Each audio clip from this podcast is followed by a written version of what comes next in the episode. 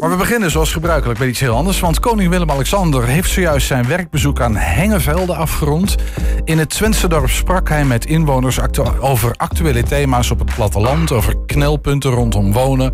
Over hoe vrijwilligers samenwerken in en aan het lokale dorpshuis. Over de populaire zomerfeesten en de toekomstplannen van het 2000 inwoners tellende dorp. Ook bij het hoge bezoek was eh, journalist eh, Kemal Rijken. Hij volgt de koning al jaren, bracht er over onlangs zijn boek Monarchie uit. Dat ligt hier op tafel. En Kemal zit aan de tafel. Kemal, wel, eh, welkom. Leuk dat je er weer bent. Hey, net terug uit Hengenvelde. Uit Hengenvelde, ja. En een werkbezoek in de middag, dat is ongebruikelijk, begrijp ik. Meestal is dat s ochtends, hè? Ja, dat klopt. Maar de afstand Den, Den Haag-Twente was misschien. Blijkbaar was de afstand te groot vandaag tussen Den Haag en Twente. Ik heb een keer een werkbezoek bijvoorbeeld in Den Bosch meegemaakt. En dan is de koning vroeg. dan komt hij al om tien uur. Uh, en dan moet je er ook vroeg zijn. Ja, dat is waar. Dat is voor jou ook een afstand. Jij woont in Amsterdam. Ik woon in Amsterdam, maar ik kom graag af en toe naar Twente. Ja, dat, dat, dat is helder. Dat geloof ik meteen. hoe was het vandaag? Ja, het was bijzonder. Um, kijk, dit soort werkbezoeken die uh, worden vooraf helemaal voorgekoud. worden heel lang voorbereid. Uh, de koning wil graag iets weten. Kan zo ook nog wel vertellen wat hij dan wilde weten en waarom. Um, maar uh, dit was niet zomaar even allemaal gespeeld en geregisseerd. er was veel spontaniteit. Leuk. Je hebt, je hebt, je hebt wat, wat, beelden gemaakt. Die gaan we zo meteen tijdens het gesprek. We gaan niet uh, plaatje, verhaaltje, plaatje, verhaaltje. Nee, nee, nee, het waarschijnlijk te ingewikkeld. Maar we laten de beelden een beetje. Ja, precies. Maar misschien toch wel even, want, want waar ging dit werkbezoek dan precies over? Ik heb nou, wat in de inleiding dit, gezegd. Dit werkbezoek ging eigenlijk over de problematiek die mensen in kleinere kernen en kleinere dorpen ondervinden op het platteland. Dus buiten de randstad. Uh, wat speelt er? Um, hoe proberen mensen elkaar, met elkaar het te organiseren? Uh, en dat wilde de koning graag weten. Een goed voorbeeld is bijvoorbeeld de woonproblematiek, die hier natuurlijk ook is. Uh, waar jullie in Twente natuurlijk ook mee bekend zijn. Mensen die jong zijn, in een dorp opgroeien, graag in het dorp willen blijven. Ja, maar dan heb je een dorp. Uh, huizen zijn ja, vaak behoorlijk prijzig. Dus die jonge mensen, ja, tekort. En als ze er al zijn, zijn ze hartstikke duur. Exact. Dus die jongeren trekken weg. Er komen andere mensen misschien die wel kunnen betalen. Die dat komen is erin. de problematiek. Ja. En de koning wilde gewoon graag dit soort problemen een keer zelf zien. En gaat het dan op, op zijn initiatief? Zijn dat vragen die jij heeft? Of zijn dat, zijn dat dingen, zeg maar, thema's waarvan zo'n dorp zegt... dit willen we de koning laten weten? Ik kreeg de indruk dat de uh, koning het zelf wilde dit keer. Dus dat het vanuit het uh, paleis zeg maar, is geïnitieerd voor een deel. Maar kijk, hoe vind je dan een plek ergens in Nederland... waar je langs moet gaan ja, om, die, om die verhalen op te halen... om, om jezelf te laten informeren. Want ja, dat is wat de koning beetje, vandaag doet. Ja, je zoekt, want je zoekt dan ook naar een plek die een beetje kenmerkend is... voor meerdere plekken in het land. Ik bedoel, dit gaat niet alleen over Hengevelden... maar over plattelandsproblemen. Bijvoorbeeld, het, het zou ook een, een, gemeente in Drenthe kunnen zijn geweest... Ja. Maar hij koos voor uh, Twente. Uh, via Weet jij waarom? Ja, via contacten bij de provincie Overijssel is gekozen voor Twente. Uh, dat, dat heeft met een aantal redenen te maken. Allereerst moet je gewoon ook een beetje een goede verdeling hebben over het land. Dus de koning komt een paar keer per jaar bijvoorbeeld ook in deze streek. Hij is eerder dit jaar ook hier geweest. Nou, en zo komt hij op veel plekken.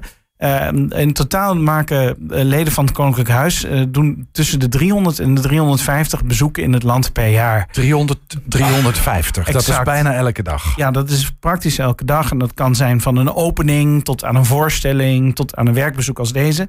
Nou, vervolgens is dan Hof van Twente, dat is de gemeente waar Hengevelde onder valt, mm -hmm. uh, is min of meer aangezocht. En zo zijn ze samen een programma gaan samenstellen. Nou, dat duurt een aantal weken. En dat wordt gewoon ja, gepingpongd op en, op en neer. En op een gegeven moment is er een programma en dan komt de koning langs. En ja, precies. En dan, uh, waar bestond het programma vandaag uit? Uh? Uh, vandaag ging die dus naar het buitengebied, dus even buiten het dorp. daar waren boeren die hebben gezegd: wij gaan hier een bed and breakfast beginnen en wij turnen dat om. Dus we zorgen ervoor voor een nieuwe soort economie zoals dat heet. Nou, de koning kwam daar aan. Uh, nou, het waaide nogal, maar mensen waren vrolijk. Uh, er werd begroet. En vervolgens ontstaat er dan een gesprek. En wat er in zo'n gesprek gebeurt, is dat de koning graag wil weten wat er is. Dus de mensen doen dan allemaal hun zegje. Eigenlijk doen ze hun plasje, maar tegelijkertijd ook hun zegje. Maar de koning vraagt ook dingen. Welke, wat, wat, wat, wat vraagt hij dan? Ja. Nou, hij wil weten hoe mensen het voor elkaar hebben gekregen. Dat zo'n bedrijf er is. wat, wat de uitdagingen zijn, wat de problemen zijn. En daar vraagt hij oprecht naar. En dat mag hij ook doen. Uh, vervolgens hebben we een um, bijeenkomst gehad, ook weer in een nieuwbouwwijk. Daar hadden we het net over, over die woonproblematiek. Hè. Uh, er is dus een, een kleine nieuwbouwwijk bij Hengenvelde, wordt er aangebouwd. Waar ouderen en jongeren samen de woningen min of meer delen. Of in ieder geval de buurt delen. En daarna zijn we in het cultuurhuis geweest. Dat is eigenlijk het dorpshuis waar dus van alles en nog wat samenkomt. Dus sport, spel, ontspanning. Ja, eigenlijk zoals een dorp anno nu zou moeten of kunnen zijn. En bij het cultuurhuis waren heel veel kinderen aanwezig. Die vonden het ook allemaal geweldig. Zo ontstaat er een beetje een Koningsdagachtige sfeer. Ja. En als de koning komt, dan is het altijd feest. We zien wat. Ja, dat is natuurlijk leuk als je koning bent, dat het dan altijd feest is. Ik weet niet of het voor hem ook altijd zo'n feest is. Ik weet niet of het voor hem altijd feest is. Maar ik kreeg wel de indruk, ik heb de koning een aantal keer in actie gezien vanwege mijn onderzoek voor mijn boek.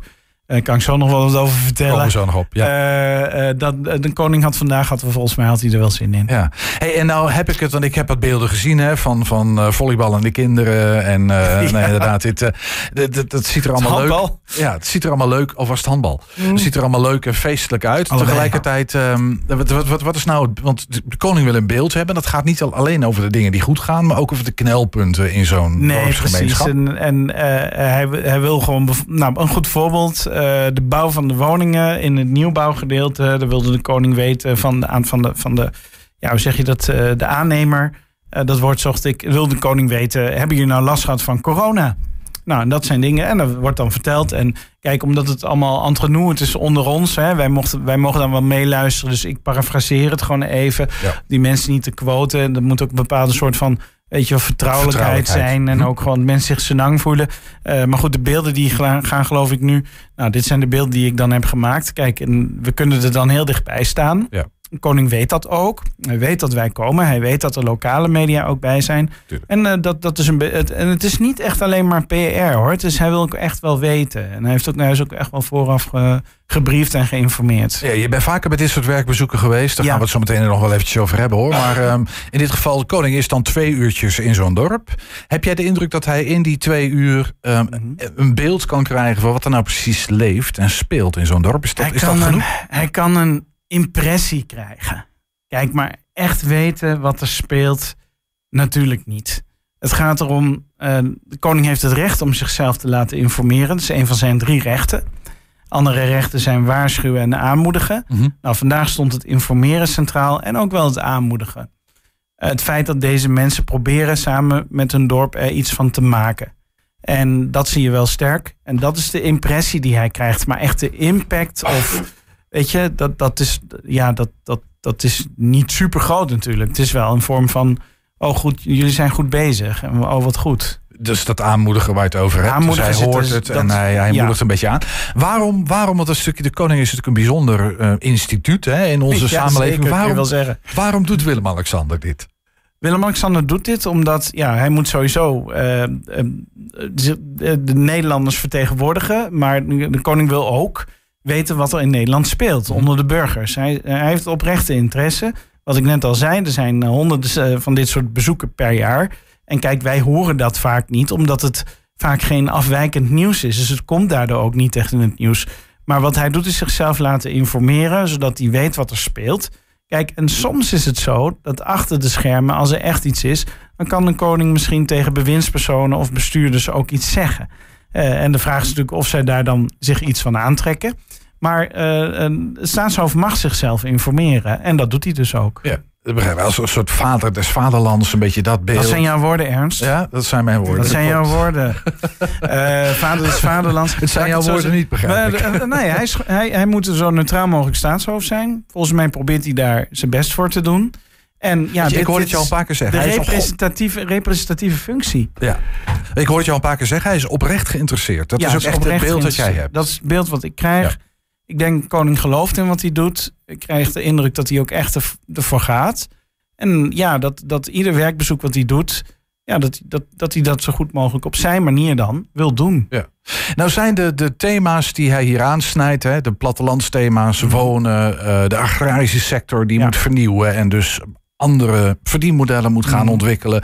Noem het op, de, de samenhorigheid in zo'n dorp, mm. jong en oud die daar moet kunnen. Dat zijn allemaal eigenlijk ook behoorlijk politieke thema's. We zitten midden in verkiezingstijd. Dat klopt. Hoe politiek, en de koning mag niet politiek zijn, maar is hij dat nee. dan toch stiekem een beetje nee, dat, wel? Dat, hoe dat is hij eigenlijk dan? niet. Ik heb, ik heb uh, vooraf ook gevraagd aan uh, de mensen van de RVD uh, van ja, dit is toch wel heel toevallig. Dit zijn thema's die spelen. Ja. En zijn toevallig ook verkiezingsthema's die in deze streek heel erg spelen.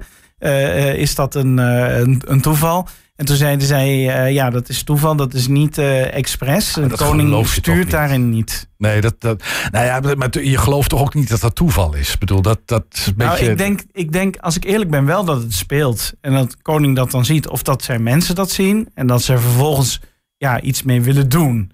Maar uh, koning mag geen politiek bedrijven. En staat ook in Den Haag bekend als apolitiek. Dus niemand vindt hem ook echt politieke speler. Dus het zou wel raar zijn als hij dan speciaal naar het dorp Hengenvelde gaat. om daar dan iets uit te meten. Nee, dit, ik denk wel dat het gewoon. Ja, het, is een, het zijn thema's die nu spelen en het is actueel. En, nou ja. Dus hij wil zich daar ook over laten informeren. Ja, en wil weten wat er dan precies speelt. Ik denk dat het, dat het zo zit. Ja, maar, maar dan, dan toch ook omdat hij daar een bepaalde rol in ziet voor zichzelf. Ja, een en als dat dan niet een politieke rol is, welke rol? Ja, nou ja, goed. Hij is Kijk, koning, formeel staatshoofd. Hè? Koning, koning heeft drie rechten. Wat ik net al zei. Het recht om zichzelf te laten informeren. Dat heeft hij vandaag gedaan. Dat kan hij dus doen door bijvoorbeeld een werkbezoek te doen. Maar dat kan hij ook doen door bijvoorbeeld iemand op audiëntie, zoals dat heet, te vragen. En dan gewoon met iemand gesprek aan te gaan. Mm het recht om aan te moedigen. Dus waarin de koning dus zegt van nou we proberen te binden, proberen mensen bij elkaar te krijgen, proberen in de samenleving een push te geven aan dingen die goed gaan.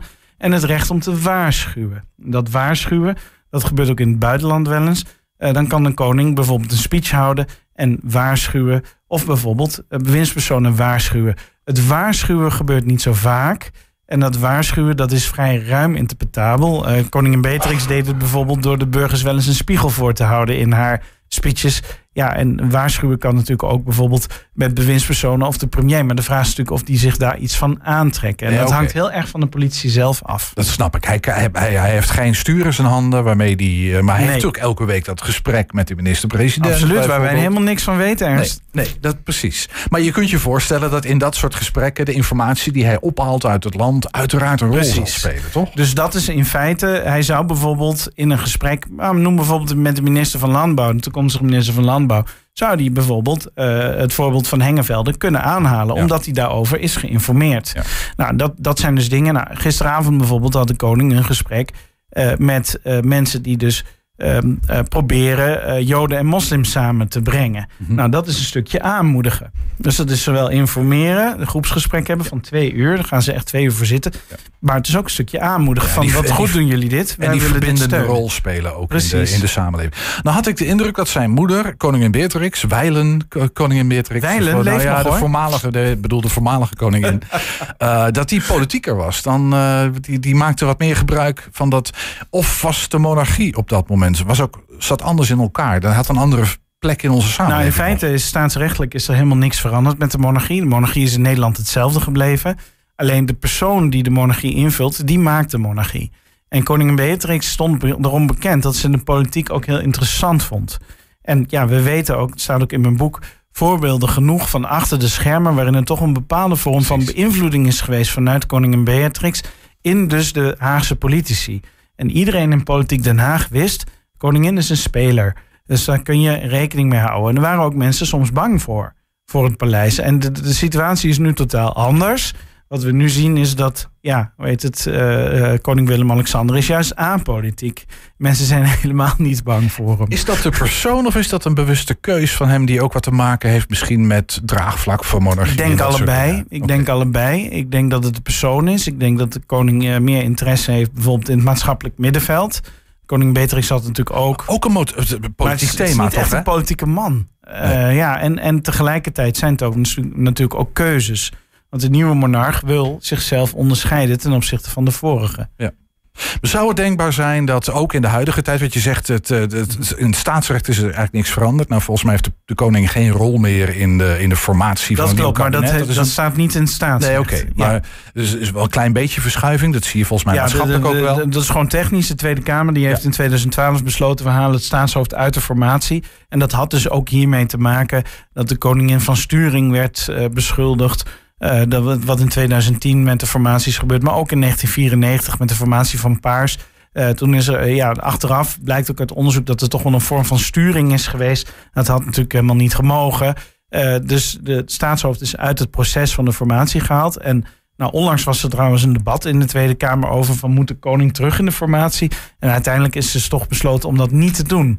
En ja, dat, dat, dat, dat is inderdaad iets wat de Tweede Kamer afspreekt. Maar dat is niet iets wat bijvoorbeeld in de grondwet verankerd staat. Nee, dat was een gewoonte dat de staatshoofd dat deed. Is het denkbaar dat uh, koning Willem-Alexander, de onze, onze huidige vorst, uh, dat hij um, iets doet als zijn moeder heeft gedaan met de aankoop van die Victory Boogie Boogie bijvoorbeeld? Ja, schilderij. Ja, ja. Nou, dat was een schilderij van Piet Mondriaan, wat ja. is aangekocht, waar de koningin zich zou, mee zou hebben bemoeid.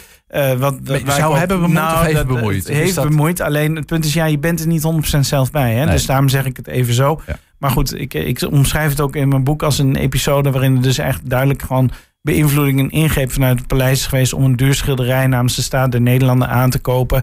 Uh, ja, ik zie koning Willem-Alexander dat niet zomaar maar doen. dat heeft dan met de persoon te maken en niet zozeer met, uh, met zijn positie. Ja, in... maar het heeft ook te maken, Ernst, met hoe de politici onder de indruk zijn van een staatshoofd en hoeveel ruimte ze die persoon geven. Met andere woorden? Nou, de koningin Beatrix kreeg gewoon veel ruimte door sommige ministers en ook door de minister-president. Zij kreeg ook best veel ruimte en zij zocht die ruimte ook op. Ja. Dus op het moment dat dat gebeurde, ja, dan, dan sta je erbij en dan kijk je ernaar. Ja, en dat doet Willem-Alexander een stuk minder. Uh, of die doet het eigenlijk niet. Die doet dat haast niet. Althans niet voor zover wij weten nee. in die zin. En dus dat, in de informele sfeer zou het kunnen dat hij de verhalen uit Hengevelde meeneemt naar Den Haag. Absoluut. Maar daar blijft, en dat zal ook Maar daar blijft het daar nog, even, nog even een ding. Ik heb ook met oud-ministers gesproken en die zeiden van ja, als je koningin Beatrix de ruimte gaf, dan nam ze die ook. Ja. Dus je moest strak blijven. Ja. Oké. Okay. Het, het, is even leuk om dat kijkje achter de schermen voor je in ieder geval een beetje een gevoel bij te krijgen. Zeker, zeker. Hoe zit het met, de, met, het, met het draagvlak van, van, van de monarchie in Nederland? En dan Willem-Alexander, misschien Maxima. Er nou, wordt veel over gespeculeerd. Dat klopt. Uh, nou, we hebben laatst hebben we een, uh, een enquête gehad, een aantal enquêtes gehad. Uh, eentje op Prinsjesdag en eentje daarna van het Republikeins Genootschap. zijn allebei door onafhankelijke onderzoeksbureaus uitgevoerd. En we zien dat de koning uh, qua waardering en dat de monarchie qua waardering dalen. En dat is eigenlijk een beetje gek. Want de koning heeft in de afgelopen jaren, los van de coronatijd, waar hij natuurlijk een aantal fouten heeft gemaakt, maar dat is ook alweer twee, drie jaar geleden.